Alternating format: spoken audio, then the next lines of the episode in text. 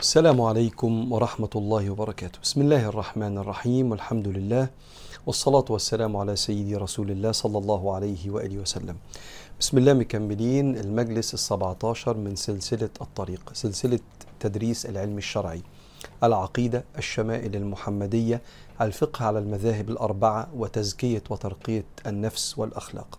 الله النبي الإسلام النفس. وإحنا كل مرة بنبدأ مع بعض في كتاب العقيدة الطحويه أحد أشهر كتب عقيدة أهل السنة والجماعة واللي تقبلته العلماء في القرون السابقة بالقبول واتشرح عشرات الشروح لعظيم الكلام ووضوح الكلام اللي اتكلم فيه سيدنا الإمام الكبير أبي جعفر أحمد الطحاوي. الإمام متوفى سنة 321 هجريا ويلا بسم الله نكمل مع بعض. آه علم العقيدة بيعتني بمجموعة المعتقدات اللي بتعتقدها تجاه الله والأنبياء واليوم الآخر والغيبيات زي الملائكة وزي الإيمان بالقضاء والقدر الأركان الستة. وجميع ما أخبر به الله سبحانه وتعالى في القرآن أو سيدنا النبي عليه الصلاة والسلام في السنة من الأشياء اللي مش بيحيط بيها الإنسان بحواسه الخمسة. انت عارف ان إحنا عندنا عالمين عالم الشهادة ما نحيط بيه إحنا بحواسك اللي بتشوفه وبتسمعه وبتشمه وبتتذوقه وبتلمسه. وعالم الغيب ما أخبر به رب العالمين سبحانه وتعالى عالم الغيب فلا يظهر على غيبه أحدا. يعني اللي بيعلم الغيب هو الله ثم يخبرنا به سبحانه وتعالى. فمن الغيبيات اللي هنتكلم عليها النهاردة موضوع العرش والكرسي. قال الإمام الطحاوي رحمه الله ونفعنا الله بعلومه وعلومكم في الدارين آمين. قال والعرش والكرسي حق.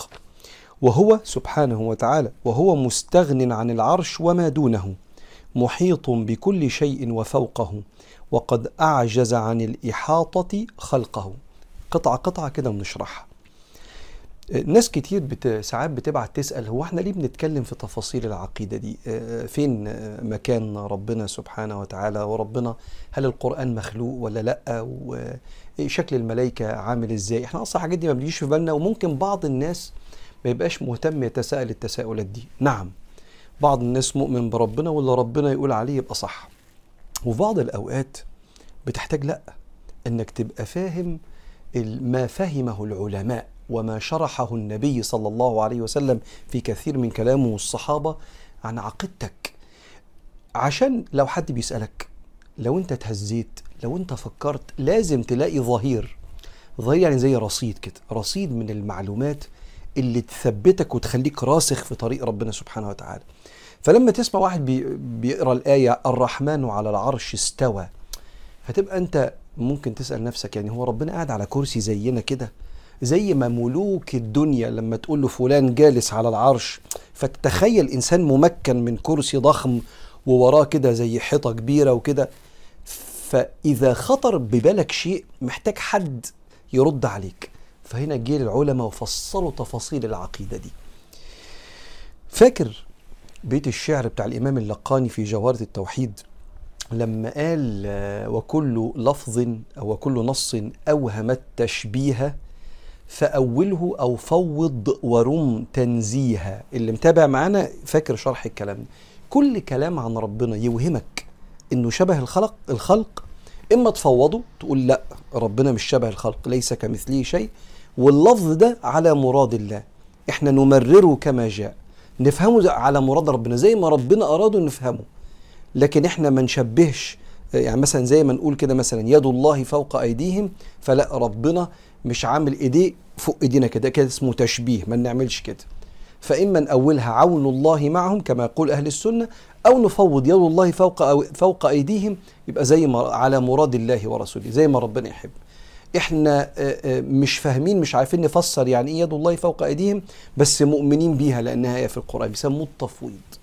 كل شيء هالك إلا وجهه يبقى إيه وجه ربنا؟ يعني ربنا ليه وجه وليه كتاف وليه إيد وليه رجل؟ أيوه يا جماعة ده كده شبه الخلق وهو قال على نفسه ليس كمثله شيء.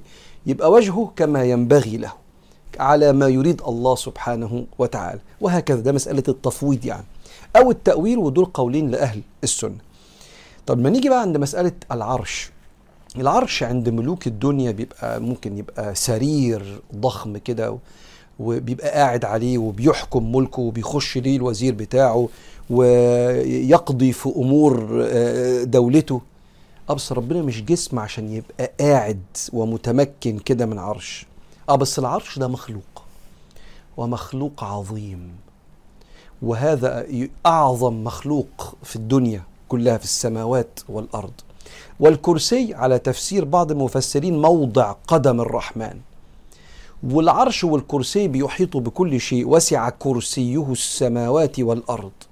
وإحنا عندنا حديث مشهور جدا وهو حديث الحلقة. ما السماء الدنيا آه، في السماء الثانية إلا كحلقة في فلاه. حلقة زي دبلة. حلقة هو ساعات يقصد إما حلقة كده وإما الحلقة بتاعت السلسلة السلاسل حلقات لازقه في بعض.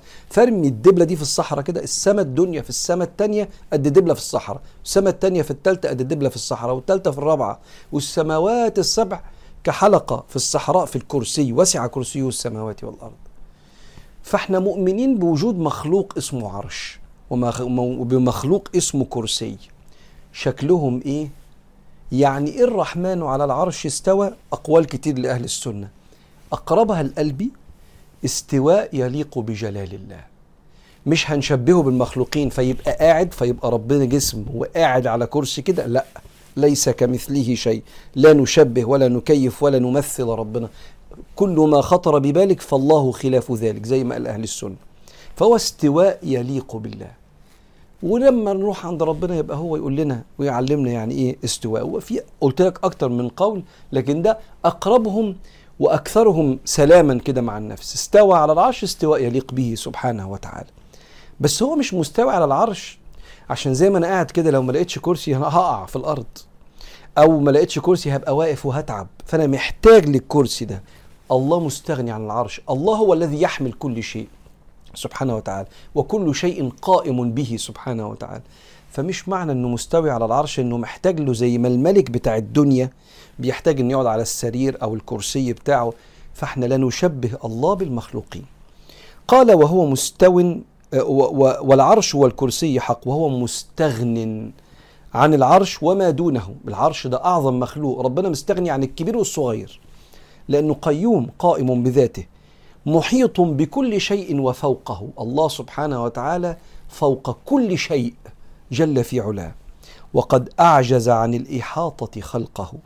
يعني إحنا مش هنعرف نحيط بده. العقل ما اتخلقش عشان يفهم ده.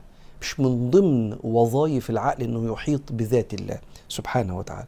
ونقول أن الله حتة جديدة بقى أن الله اتخذ إبراهيم خليلا وكلم موسى وكلم الله موسى تكليما إيمانا وتصديقا وتسليما.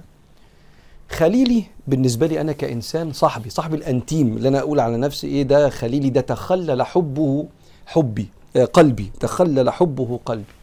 طب يعني إيه ربنا اتخذ إبراهيم خليلا؟ قربه وأدناه منه وعلى معنى يعلمه الله سبحانه وتعالى. فإبراهيم خليل الرحمن. بس مش زي خليلي صاحبي اللي هو صاحبي الأنتيم لأن أنا وهو بشر لا شتان بين المخلوق والخالق. لكنه اتخذه خليلا على ما يريد الله سبحانه وتعالى بنسميها التفويض. وكلم الله موسى تكليما. نعم موسى كليم الرحمن وربنا قال كده في القرآن وكلم الله موسى تكليما. كيف سمع سيدنا موسى الله؟ الطريقة التي يريدها رب العالمين سبحانه وتعالى لكنه كلمه كلاما. وإحنا مصدقين مصدقين بده تصديقا وتسليما ايمانا وتصديقا وتسليما. بيعلمك إيه؟ بيعلمك إنك أنت لما تسمع ألفاظ في القرآن أو في السنة توهم التشبيه ما بين الخلق والخالق أن تفوض هذا الأمر. لو العلماء لقوا مساحة للتأويل والتأويل هو صرف اللفظ عن معناه حتى لا يوهم التشبيه. زي ما قلت لك كده ينزل ربنا أكيد مش بينزل من حتة فيسيبها فاضية وبعدين يبقى كان في المنطقة دي سابها فقعد ينزل فبقى في المنطقة الثانية فأولوها نزول رحمته وعطائه وعظمته لأنه ليس بجسد ينتقل من مكان كان فيه لمكان. فهنا العلماء مثلا أهل السنة يأولوا.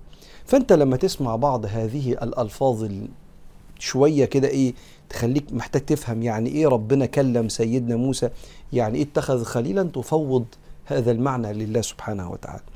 ونؤمن بالملائكة والنبيين والكتب المنزلة على المرسلين.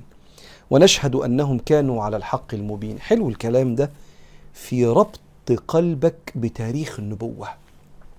من ضمن أركان الإيمان الستة أن تؤمن بالكتب السماوية السابقة التي نزلت من عند الله وبالنبيين.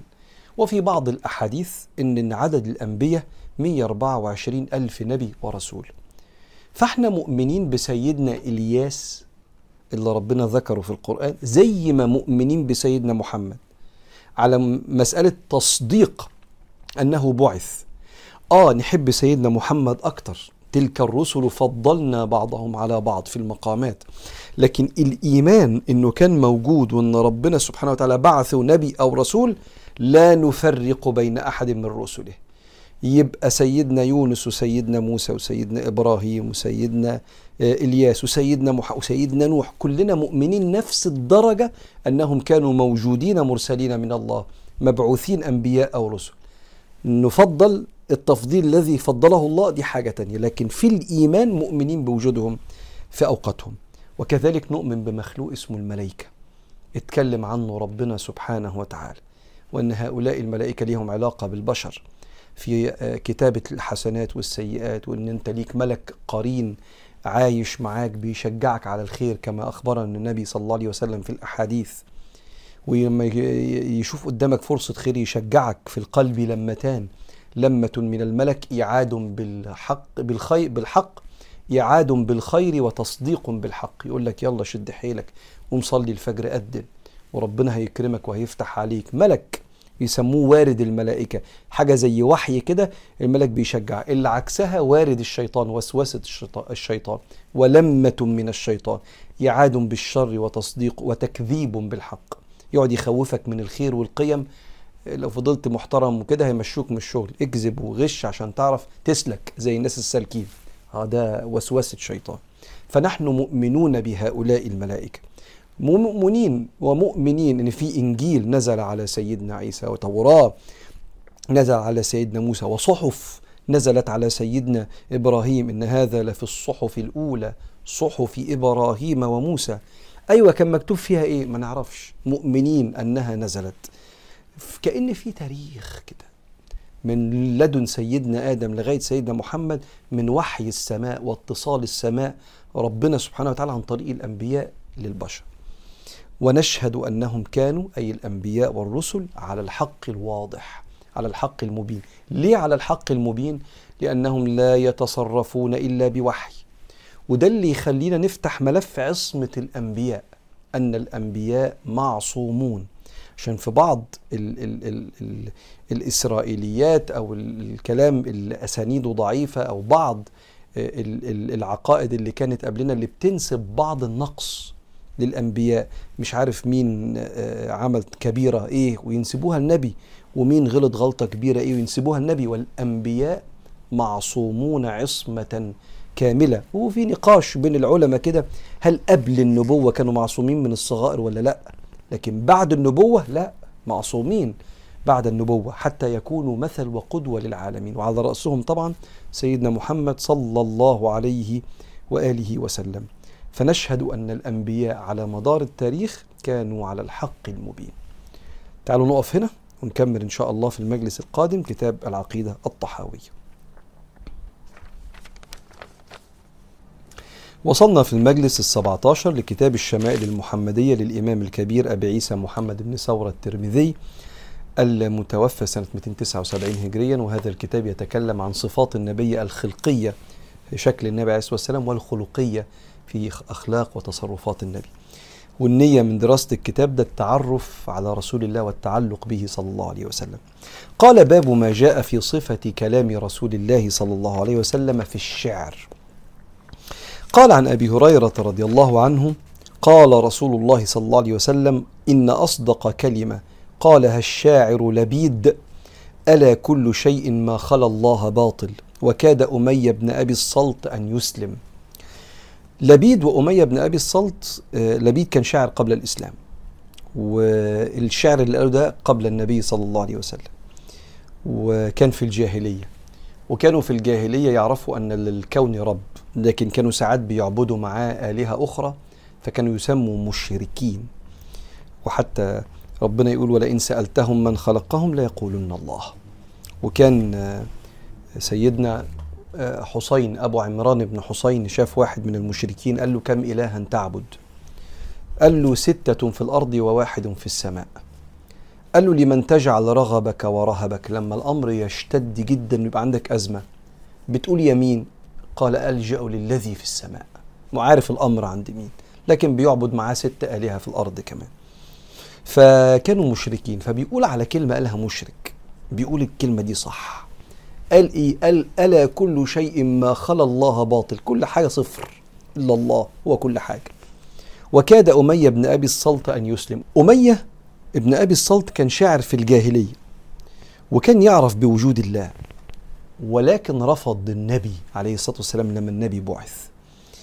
وما أسلمش.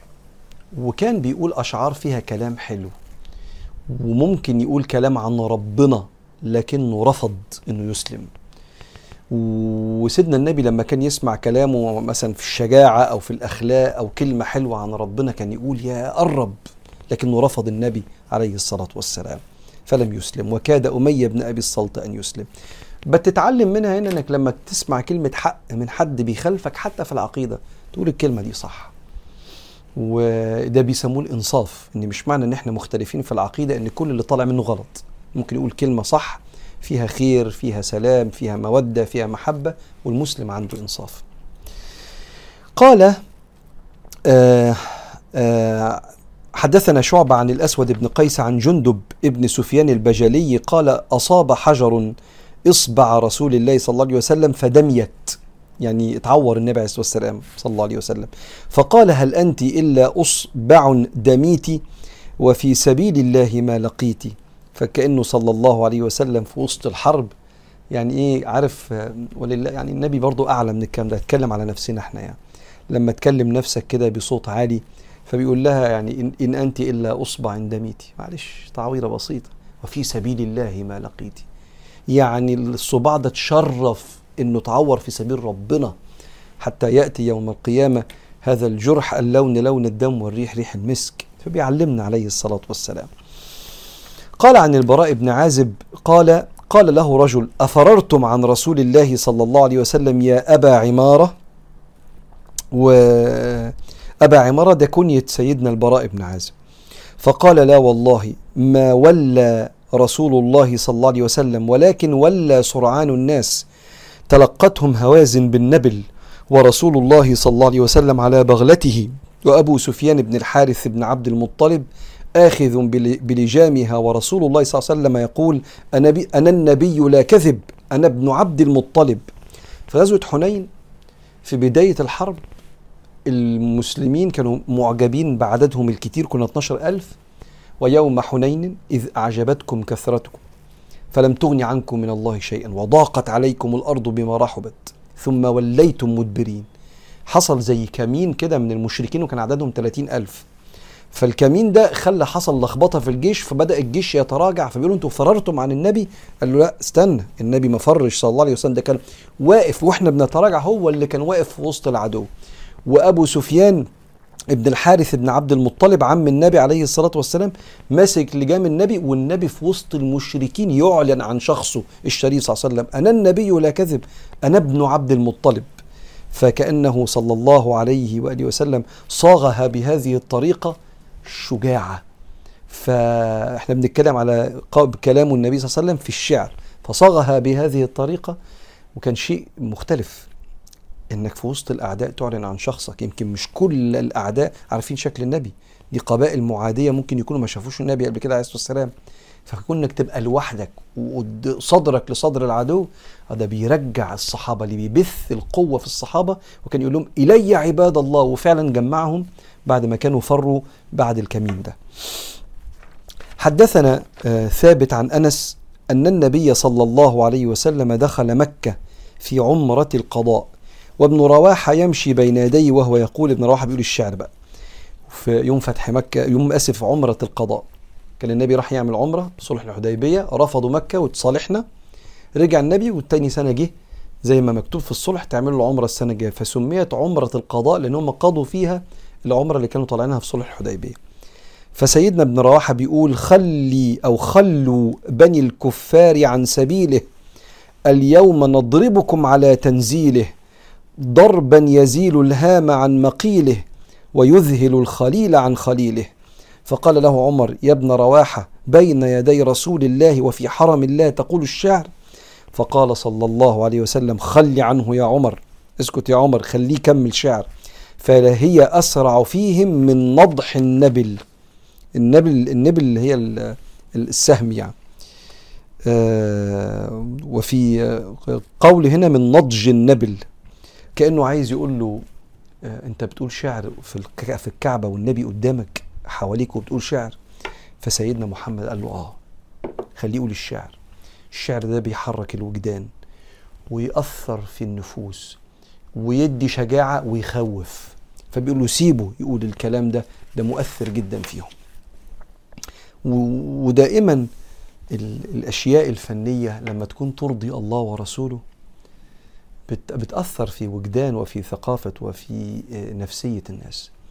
فجميل قوي قوي الأشعار والكلمات والأناشيد والأغاني اللي ممكن يكون فيها تشجيع على الأخلاق وحب ربنا وتكاتف الوطن والمجتمع حاجة فيها معنى يرضي الله ويخلي بني آدم يرتقي في الحياة. والنبي اللي يقول سيبه ده دي أقوى من من السلاح نفسه أقوى في التأثير في تغيير البني آدم من الحروب اللي بتغير شكل الدنيا.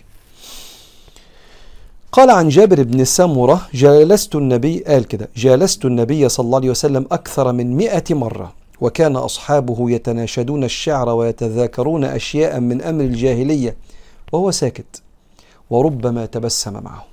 بنتكلموا في حاجات حصلت في الجاهلية ويقولوا أشعار كانوا حافظينها. وسيدنا النبي عادته سهلة خفيفة جميلة. فيبتسم كده ويسمع الناس بتقول إيه. وهنا يوجههم وقت ما يشوف حاجة غلط وي... ويشكرهم لما يشوف حاجة صح. ويسكت لما يشوف حاجة فيقرها تبقى اسمها سنة تقريرية سكت فيها النبي. ويقول لأ الحتة دي غلط ما تقولوهاش يا جماعة وهكذا. وهو في وسط الناس واحد من الناس. وعن عمرو بن الشريد عن أبيه قال كنت ردف يعني قاعد ورا النبي على الحصان أو الركوبة اللي راكبينها. كنت ردف النبي صلى الله عليه وسلم فأنشدته مئة قافية من قول أمية بن أبي الصلت الثقفي. كلما أنشدته بيتا قال لي هيه هيه يعني زدني وأعطني زيادة. هيه حتى أنشدته مئة بيت. فقال النبي صلى الله عليه وسلم إن كاد ليسلم.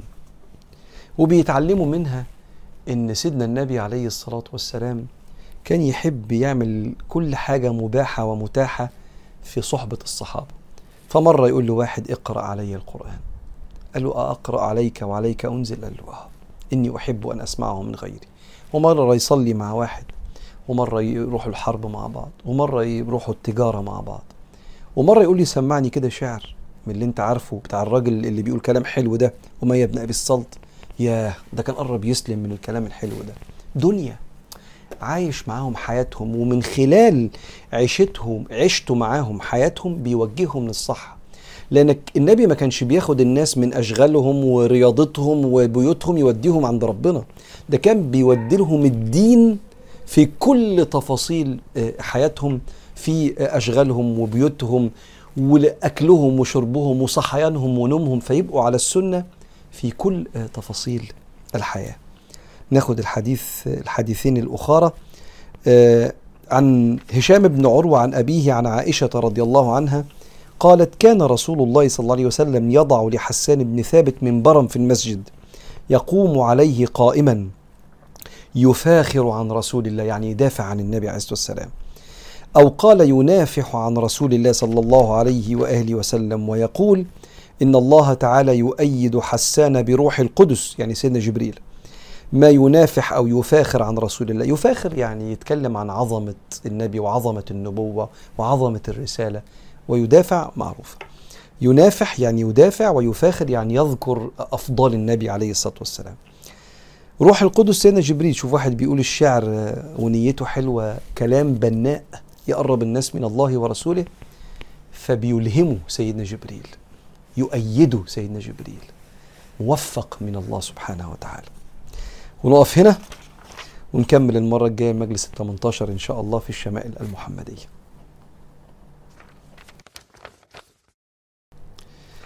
وصلنا في المجلس السبعة عشر لكتاب الفقه الواضح من الكتاب والسنة على المذاهب الأربعة لدكتور محمد بكر إسماعيل من علماء الأزهر رحمه الله ونفعنا الله بعلومه وعلومكم في الدارين آمين. وصلنا في باب الغسل لتساؤل وكأنه مسألة هيجاوب عليها الإمام عن طريق سؤال هل تكفي الأغسال المفروضة عن الأغسال المسنونة؟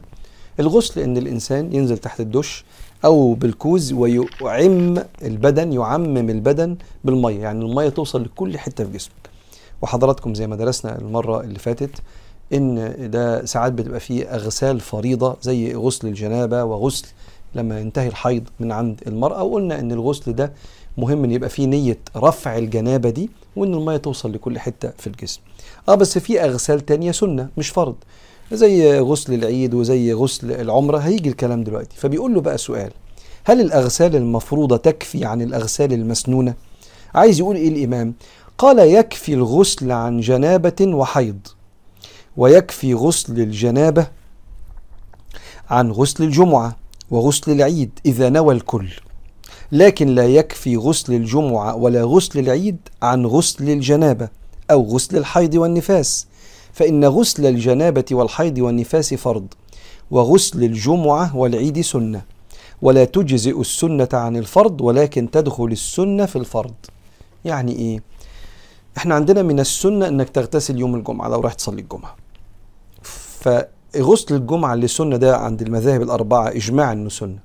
طب واحد كان صحي يوم الجمعة جنوب فهل أغتسل للجمعة؟ فغسل الجمعة السنة ده بالمرة يشيل الجنابة. قالوا لا السنة ما تشيلش الفرض. أنت تغتسل بنية رفع الجنابة عشان ده اللي فرض وساعتها يبقى ده يكفيك عن غسل الجمعة اللي هو سنة. واحد آه واحدة نازلة تصلي صلاة العيد وفي نفس الوقت الحيض انتهى عندها ممكن تغتسل خلاص بعد الحيض. فهغتسل الغسل بتاع العيد ده سنة بتاع صلاة العيد ده. وبالمرة يبقى يرفع لا ما ينفعش الحيض. حيض هنا ده الغسل الفرض النية تبقى على الفرض. فلو اغتسلت لرفع الحيض يجزئ مش لازم تستحمى مرتين تغتسل مرتين واحد الحيض وواحد للعيد لا. هو غسل الحيض اللي هو الفرض هو اللي يكفي أو يجزئ عن غسل السنة. ده المقصود من كلام الإمام. ما يجوز للجنب فعله؟ إيه الكلام ده؟ يمكن أنت الكلام ده ما يخطرش على بالك بس كان زمان بيقولوا إن الجنب ده قبل ما سيدنا النبي عليه الصلاة والسلام يصلح المعلومات دي إن الجنب ده أو المرأة الحائض نجس في نفسه فما تلمسش حاجة وما تقربش من حاجة وممكن كمان كانوا يقعدوه في أوضة لوحده ومحدش يكلمه. دي حاجة وحشة قوي فجه النبي عليه الصلاة والسلام قال إن المؤمن لا ينجس. ولو تفتكر لما كانت السيدة عائشة النبي بيقول لها هاتي لي الثوب بتاعي الجلابية فقالت له بس أنا حائض قال لها حيضتك ليست في يدك. ما فيش مش لما تمسكي الجلابية الجلابية تتنجس. زي ما كان وقتها يهود المدينة بيشوفوا إن الست اللي أصابتها الحيض بقت كلها على بعض نجسة كده فيطردوها وما ياكلوش معاها ولا تاكل من أكلهم. فالنبي جه يصلح الموضوع ده. فالإنسان الجنب ده بيعمل حاجات كتيرة قوي حب الإمام يقولها لك. قال ويجوز للجنب قص الشعر وتقليم الأظافر والمشي في الشارع والذهاب للأعمال من غير كراهة بشرط آه. ألا يترتب على ترك الغسل ضياع وقت من أوقات الصلاة. هنا الإمام بيقول معلومة إحنا يعني إيه آه آه عندنا فيها سنة خوف كده. هل لو واحد على جنابة وبعدين بيعمل حاجة هو ممكن يغتسل دلوقتي؟ هو الأولى يغتسل طبعا. طبعا. بس لو بيعمل حاجة ولسه ما اغتسلش هل كده يبقى كأنه شخص نجس وملائكة بتلعنه ولا مفيش بركة ولا رزقه هيقل لو وقف في دكان يبيع ويشتري وهو على جنابة؟ قال له لا هو ما فيش كراهة لممارسة الحياة بس بشرط. ما يبقاش انت ما اغتسلتش وداخل عليك صلوات ده انت هتضيع كده الصلاة. فقال له ممارسة حياتك وانت على جنابة ما فيهاش كراهة. مش كمان مش حرام ده الكراهة دي أقل من الحرمة. ما فيهاش كراهة ما فيش حاجة. بس اوعى لحسن تأخير الغسل ده يخليك تفوتك صلوات. قال والإغتسال المبكر أفضل فإن الجنب دائما ما يوسوس له الشيطان بأنه ينجس وأن الدنيا كلها تلعنه ويخيل إليه أن الأبواب مغلقة في وجهه إلى غير ذلك من الهواجس. ولعلك تذكر أن المسلمين في غزوة بدر قد من الله عليهم بنوم خفيف استراحت أبدانهم. كانت حاجة غريبة جدا. حرب إحنا هم 1000 وإحنا 300 وفجأة شايفينهم قدامنا والحرب هتبدأ بعد شوية كده. ناموا والنوم أمان. ربنا يقول في سورة الأنفال اللي بتحكي عن غزوة بدر إذ يغشيكم النعاس أمنة منه وينزل عليكم من السماء ماء ليطهركم به. وبيقول بقى إيه؟ بيقول لما ناموا وقد احتلم بعضهم. صحي محتلم. فأخذ الشيطان يوسوس للمحتلمين بأنهم لن ينصروا على هذه الحال. وأنهم مهزومون لا محالة وأن الله لن يتقبل دعاءهم إلى غير ذلك. والمية قليلة ده في حرب. محتاجين كل نقطة مية. نشرب أو نشرب لو معانا دواب ولا حاجة. فأراد الله عز وجل أن يدفع عنهم وساوس الشيطان فأنزل عليهم من السماء ماء. الدنيا مطرت. فتطهروا به واستعدوا للقاء العدو بصدور رحبة ومستريحين. ونفوس مطمئنة. وفي هذا يقول سبحانه وتعالى إذ يغشيكم النعاس أمنة منه وينزل عليكم من السماء ماء ليطهركم به ويذهب عنكم رجز الشيطان وليربط على جنوبكم ويثبت به الأقدام. نقرأ حاجة سريعة مع بعض كده نقفل بيها الكلام عن الجنابة. يحرم أو يحرم على الجنب خمسة أمور. واحد الصلاة مطلقا فرضا كانت أو نفلا يعني سنة. ولو صلاة جنازة جنازة أو سجدة تلاوه أو شكر لقوله صلى الله عليه وسلم لا يقبل الله صلاة بغير طهور. يبقى أول حاجة تحرم على الجنب الصلاة. الطواف بالكعبة لقوله صلى الله عليه وسلم الطواف صلاة إلا أن الله أحل فيه الكلام. فمن تكلم فيه فلا يتكلم إلا بخير. ثلاثة المكث في المسجد دخول المسجد للجنب يحرم على الجنب المكث في المسجد لحديث أم سلمة, أم سلمة. رضي الله عنها قالت دخل رسول الله صلى الله عليه وسلم المسجد فنادى بأعلى صوته ألا؟ إن المسجد لا يحل لحائض ولا لجنب. إن المسجد لا يحل لحائض ولا جنب. ولكن يجوز له المرور به فمن أراد أن يغتسل في دورة المياه بتاعت المسجد مثلا فله أن يمر به إن كان لا يصل إليه إلا عن طريقه. عفش يخش حمام إلا عن طريق المرور في المسجد. قال تعالى يا أيها الذين آمنوا لا تقربوا الصلاة وأنتم سكارى حتى تعلموا ما تقولون ولا جنبا إلا عابري سبيل حتى تغتسلوا. وعن جابر رضي الله عنه قال كان أحدنا يمر في المسجد جنبا مجتازا يعني معدي في الجامع بس. يبقى الصلاة الطواف المكث البقاء في المسجد مس المصحف وحمله إلا بغلاف منفصل مثل أن يكون في حقيبة واضطر إلى حمله. رقم خمسة قراءة القرآن لحديث علي بن أبي طالب كرم الله, الله وجهه. كان رسول الله صلى الله عليه وسلم لا يحجبه شيء عن القرآن إلا الجنابة. رواه أبو داود والترمذي. وعنه أيضا قال سيدنا علي يعني رأيت رسول الله صلى الله عليه وسلم توضأ ثم قرأ شيئا من القرآن ثم قال هكذا لمن ليس بجنب فأما الجنب فلا ولا آية فلا ولا آية. وبهذا قال جمهور الصحابة والتابعين والأئمة الأربعة. يبقى الصلاة الطواف البقاء في الجامع مس المصحف وقراءة القرآن للجنب آه لا يجوز لي. نقف هنا ونكمل المرة الجاية إن شاء الله بإذن الله. وصلنا مع بعض في المجلس السبعة عشر من سلسلة الطريق للكتاب الرابع والأخير وهو كتاب أيها الولد. للإمام الكبير حجة الإسلام محمد ابن محمد الغزالي رحمه الله ونفعنا الله بعلومه وعلومكم في الدارين آمين. الإمام متوفى 505 في كتابه أيها الولد نصحته لأحد تلامذته في مختلف جوانب الحياة. قال الفائدة الرابعة. إحنا اتفقنا إن شقيق البلخي كان الشيخ وكان حاتم الأصم تلميذه. وحاتم الأصم صاحبة يعني فضل صاحبه صاحب مع شقيق يتلمذ على أيديه ويتعلم على أيديه 30 سنة. وقال له أنا في ال 30 سنة دي استفدت 8 حاجات منك. قال له قول لي عليها فبدأ يقول حاتم. خدنا من سيدنا حاتم ثلاث فوائد وصلنا للفائدة الرابعة. قال حاتم إني رأيت بعض الخلق ظن أن شرفه وعزه في كثرة الأقوام والعشائر فاغتر بهم.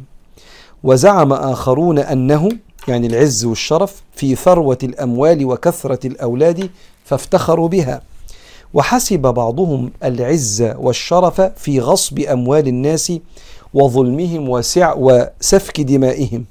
واعتقدت طائفة أنه في إتلاف المال صرفه يعني وإسرافه وتبذيره.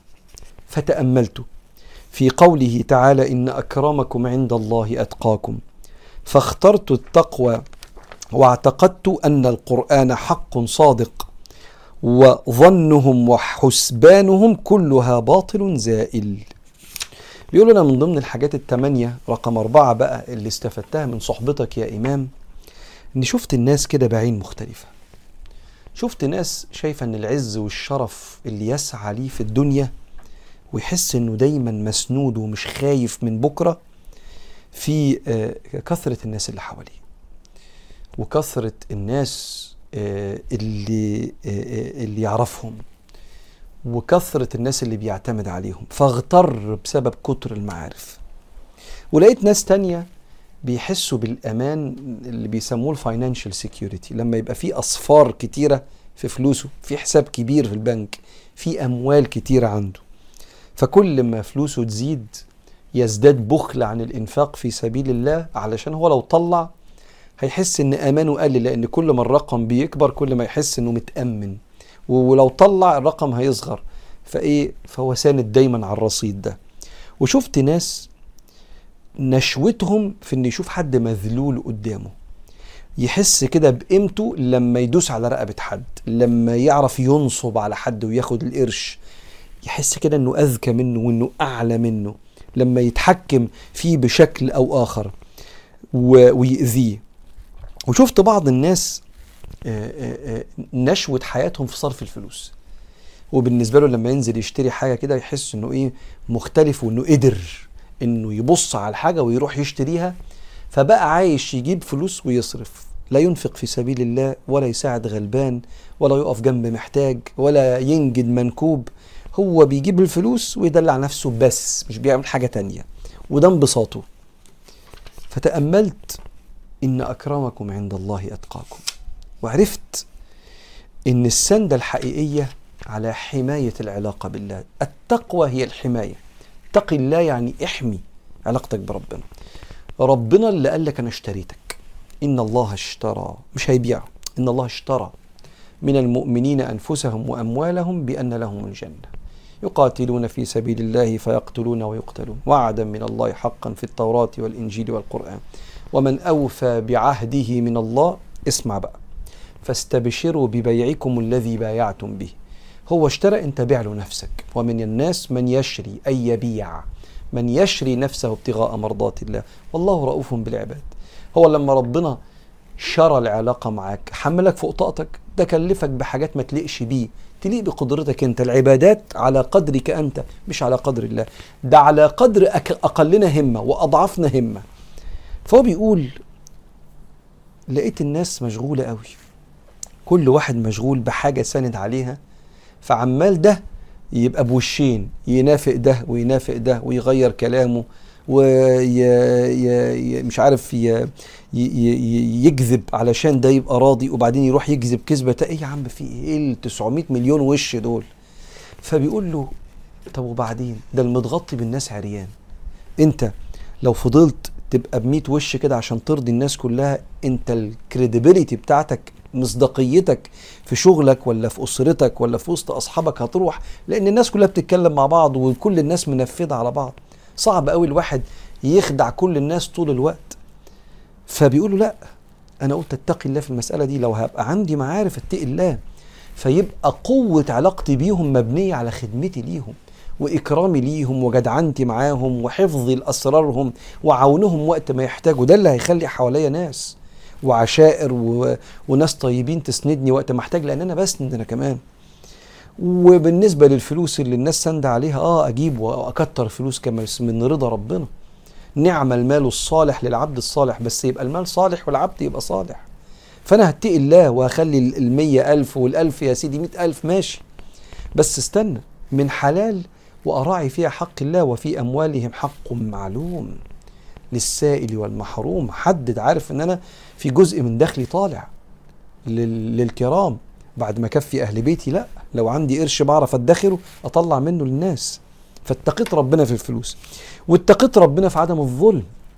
النهارده أنا مش محتملش إن أنا أقف قدام ربنا وفي طابور وقد ضرب هذا وشتم هذا وسفك دم هذا وأكل مال هذا ما أقدرش. فانا اتقي الله في حقوق الخلق. قال واعتقد طائفة في إتلاف المال وإسرافه وتبذيره. لا أنا أشتري أيوة. وكل ما أشتهي حاجة أشتري ماشي. بس استنى. أشتري اللي محتاجه وما يخشش دولابي إلا لما يطلع منه حاجة تانية قدام. فاشتري ما حدش يقولك ما تشتريش. ولو ربنا مديك القدرة اشتري. بس زي ما بيجيلك من ربنا خلي حد يجيله منك. فزي ما انت عايز ربنا يعطيك بوفرة أعطي بوفرة. فتبقى إنسان كريم على الخلق. وده تقوى الله في الشراء والبيع والفلوس والناس. فقال فاخترت التقوى في الجوانب دي واعتقدت أن القرآن حق. إن أكرمكم عند الله أتقاكم وظنهم وحسبانهم اللي سند على الفلوس واللي سند على ظلم الناس واللي سند على الشراء والبيع وظنهم وحسبانهم كلها باطل زائل. نقف هنا في المجلس 17 ونتقابل الأسبوع الجاي إن شاء الله في المجلس ال 18 من سلسلة الطريقة.